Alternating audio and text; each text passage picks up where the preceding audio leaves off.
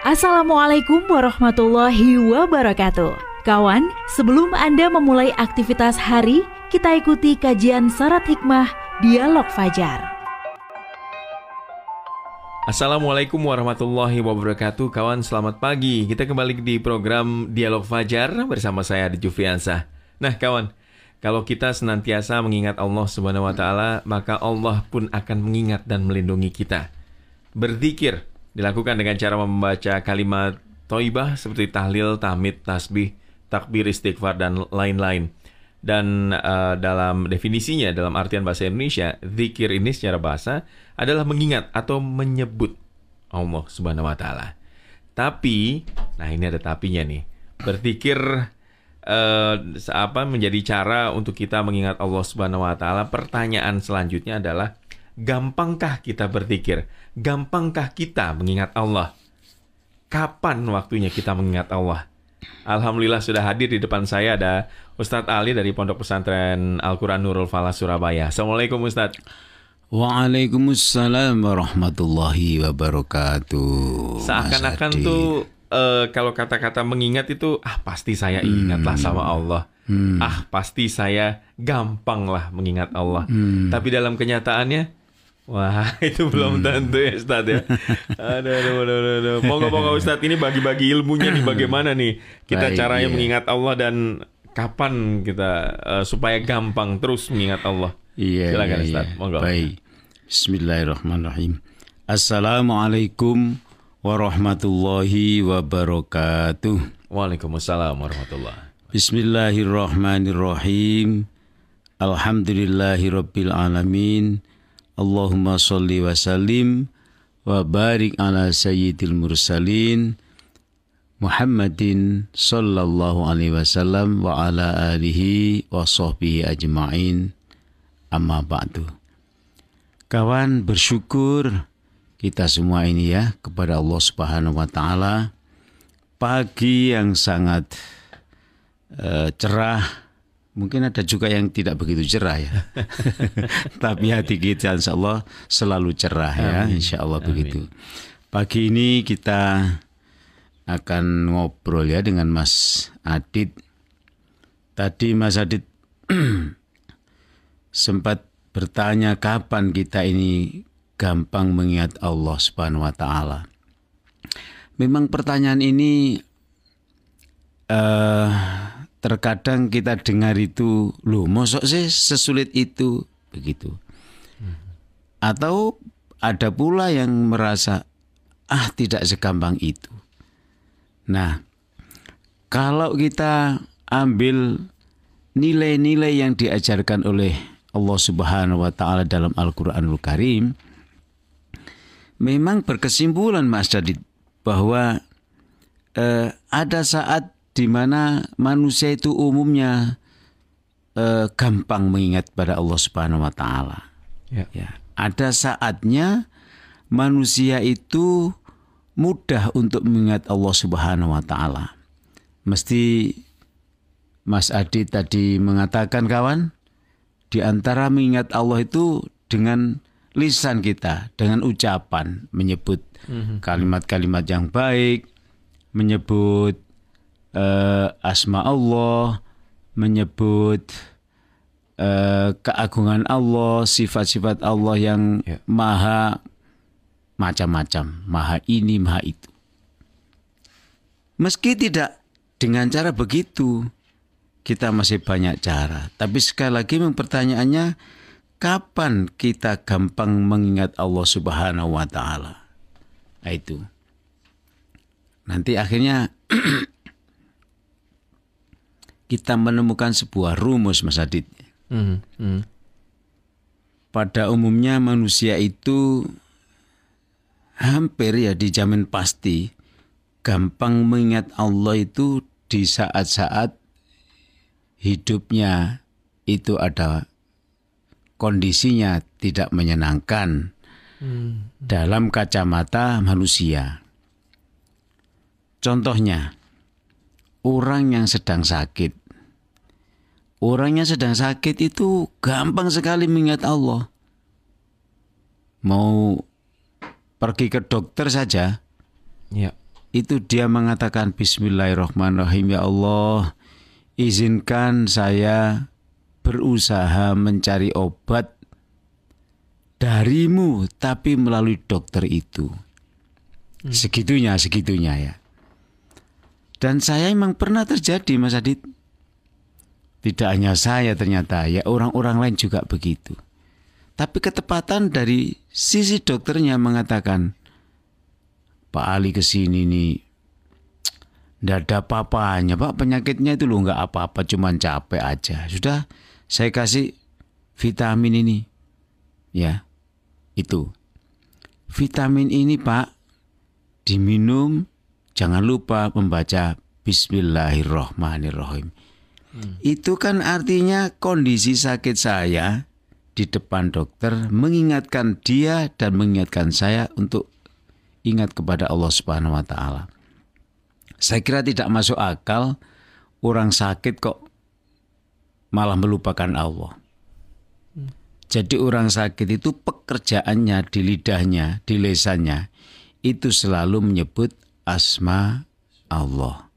Orang sakit itu dikit-dikit ingat Allah. Ya Allah, kasihlah saya kesabaran ya Allah.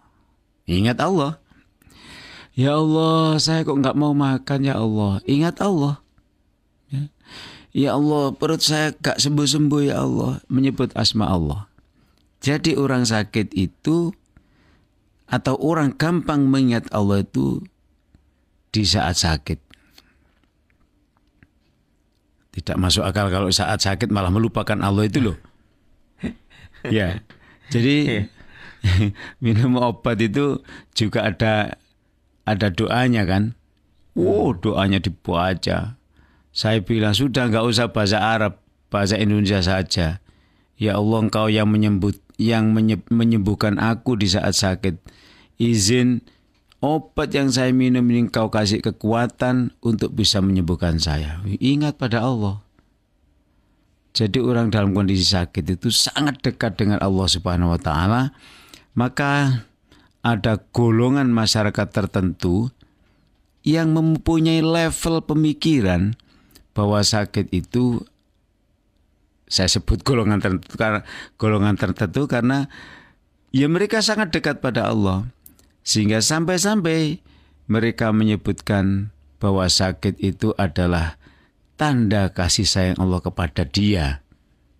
Loh kok begitu? Iya karena begitu saya sakit, saya setiap detik menyebut asma Allah melalui hati saya, melalui lesan saya. Katanya, katanya itu seperti itu orang itu. Jadi gampang menyebut Allah itu di saat sakit. Kalau ini kawan, kalau ini yang kita fahami, maka betul bahwa sakit itu adalah bagian kasih sayang Allah untuk menjadikan kita ingat kepadanya selalu. Kalau kita runut ya, coba. Orang sakit itu nggak bisa apa-apa, mau bekerja nggak bisa, mau mikir nggak bisa. Ya lihat sakitnya ya, dia lemah fisiknya, pikirannya juga lemah. Apa yang bisa kita lakukan selain menyebutnya?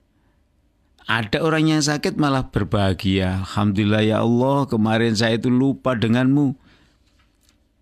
Saya lupa denganmu berleha-leha, berfoya-foya. Sekarang kau jadikan aku ingat kepadamu dengan cara sakit. Coba kalau kita nyambangi kawan-kawan kita yang sakit di rumah sakit, yang opname, yang sudah lama sakit terbaring ya Allah. Ucapannya ya begitu-begitu itu.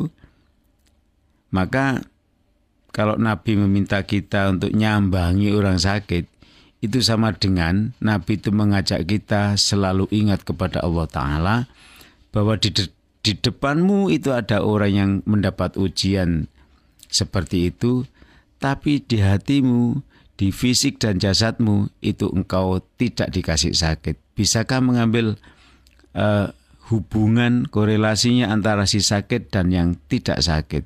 Ketemu apa? Ketemunya adalah si sakit itu orang yang paling gampang mengingat Allah Subhanahu wa taala. yang kedua, orang yang sedang kelaparan. Kelaparan ini ada secara fisik ya. Kelaparan fisik ini ya berarti perutnya tidak ada isinya. Orang yang sedang kelaparan seperti itu yang disebut adalah ya Allah ya Ghaniyu, ya Allah ya Ghaniyu. Ya Allah yang Maha Kaya. Kasihlah aku makan ya Allah. Yang disebut bukan Mas Adit, bukan saya. Yang disebut adalah Allah yang Maha Kaya yang disebut itu. Jadi Allah itu tumpuan harapan orang-orang yang sedang tidak memiliki apa-apa. Uh, Allah Subhanahu wa taala itu adalah tumpuan harapan orang-orang yang sedang kelaparan. Allah Subhanahu wa taala adalah tumpuan harapan bagi orang-orang yang tidak berada secara ekonomi. Maka kita dianjurkan oleh Allah sebutlah asma Allah itu. Walillahil asmaul husna fad'uhu biha. Allah itu punya asma Allah ya. Nama-nama Allah yang itu sebagai lambang kemaha agungan Allah, kemaha kuasaan Allah, kemaha otoritasnya Allah. Di antaranya adalah Allah yang maha kaya. Maka kita diajarkan supaya me, atau berdoa kepada Allah dengan dikorelasikan dengan menyebut asma Allah. Kalau kita butuh makan, butuh harta, sebutlah Allah yang maha kaya. Maka di balik penyebutan maha kaya itu, tak ada ya Allah yang mampu memberikan kekayaan saya ini. Tak ada yang mampu memberikan makan kepada saya, tak ada. Ada nasi di depan saya ini saya tak bisa mengambilnya, saya tak bisa menjemputnya, saya tak bisa tak bisa menyuapkan dengan tangan saya karena keadaan saya sedang sakit itu sudah ada rezeki di depannya pun manusia itu tidak mampu untuk menyuapi dirinya sendiri. Maka Allah kita sebut ketika itu orang yang paling gampang menyebut asma Allah, orang yang paling gampang mengingat Allah adalah di saat kondisi perut kita lapar. Ini eh, eh, simbol kawan ya. Lapar ya bisa lapar sungguhan, tapi lapar bisa karena tidak punya apa-apa, lapar karena kita punya apa-apa tapi kita sedang sakit dan lain-lain. Jadi itu kita mesti menyebut asma Allah. Ketika sakit kita, ketika uh, uh, lapar kita itu mampu menghadirkan asma Allah Subhanahu wa taala, maka itu uh, kondisi yang tidak baik itu gampang kita mengingat Allah Subhanahu wa taala. Yang ketiga, kapan kita itu gampang mengingat Allah di saat kita kena musibah, di saat kita kena problem, di saat kita menghadapi kesulitan, di saat kita menghadapi ujian-ujian yang lain, ringan, sedang, rendah maupun tingkat tinggi. Semua itu akan membuat musibah tadi itu kita dekat dengan Allah Subhanahu wa taala. Tak ada rasanya secara akal manusia kena musibah brak tabrakan kecuali dia langsung ingat pada Allah Subhanahu wa taala. Ya. ya saya banyak dapat cerita Mas Hadi dari masyarakat. Mm-hmm. Saya itu kalau mengendarai kendaraan lupa tidak menyebut asma Allah, hatinya tidak tenang. Jadi ketika ruwet ngerti ruwet Mas Adit ya ngerti ngerti ngerti. Macet problem macam-macam di tengah jalan. Lalu kita dengerin mak di radio suara Surabaya jangan lewat situ misalnya gitu sudah, sudah langsung kejebak kita. Maka di saat itu itu kita baru ingat. Atau orang yang cerita itu baru ingat ya saya tadi itu tidak menyebut asma Allah tidak membaca bismillah tidak berdoa ketika memulai hmm. perjalanan itu kan luar biasa orang seperti itu. Walaupun dia ingatnya ketika sudah ruwet di jalan itu baru ingat Allah. Dia kalau kita ajak diskusi, ruwetnya hati di tengah jalan itu, itu diyakini dia itu problem yang biasa. Tapi ketika dia tadi tidak menyebut asma Allah ketika memulai setat perjalanan, itu dia meyakini bahwa ini gara-gara saya tidak berdoa. Nah, tidak mengingat asma Allah itu. Jadi begitu kena musibah di jalan dia baru ingat Allah. Hebat Mas Adit, orang yang kena masalah di tengah jalan dia baru ingat Allah. Itu juga hebat. Bayangkan sudah dapat ujian kayak begitu, dia pun masih tidak mengingat Allah, malah menyalahkan pengendara yang lain. Lah ini kan nggak ada nggak ada ujungnya. ada manfaatnya. Nggak ada manfaatnya. Geremeng ya tuas geremeng. Siapa yang digeremengi gitu. Maka uh, saling memahami di tengah jalan itu tidak gampang Mas Adit. Saling memahami di tengah jalan, saling berikan solusi dan berusaha bersama-sama agar clear. Itu kalau hatinya tidak dipandu dengan ingat pada Allah, tak mungkin itu terjadi. Maka kawan, eh, sekali lagi gampang mengingat Allah itu ternyata di saat kita menghadapi kesulitan, musibah, kelaparan, sakit, Semoga kalau kita itu mengalami itu maka kita semakin bahagia karena dekat pada Allah Subhanahu wa taala. Dialog Fajar ini semoga menginspirasi kita semakin dekat dengan Allah Subhanahu wa taala. Amin ya rabbal alamin. Ya, um, mengingat Allah juga diyakini bisa menghindarkan Anda, bisa menghindarkan saya dari semua keburukan karena orang ini senantiasa mengingat Allah.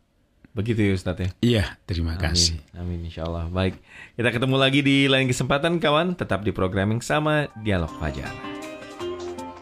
Program Dialog Fajar yang baru Anda simak. Kerjasama Suara Surabaya dan Pesantren Al-Quran Nurul Falah Surabaya, lembaga dakwah yang amanah, profesional, dan berbasis Al-Quran Pesantren Nurul Falah mencetak guru-guru Al-Quran dengan metode tilawati dan tafidz Al-Quran. Informasi dan pemberian donasi hubungi 031 828 1278 atau nurulfalah.org. Wassalamualaikum warahmatullahi wabarakatuh.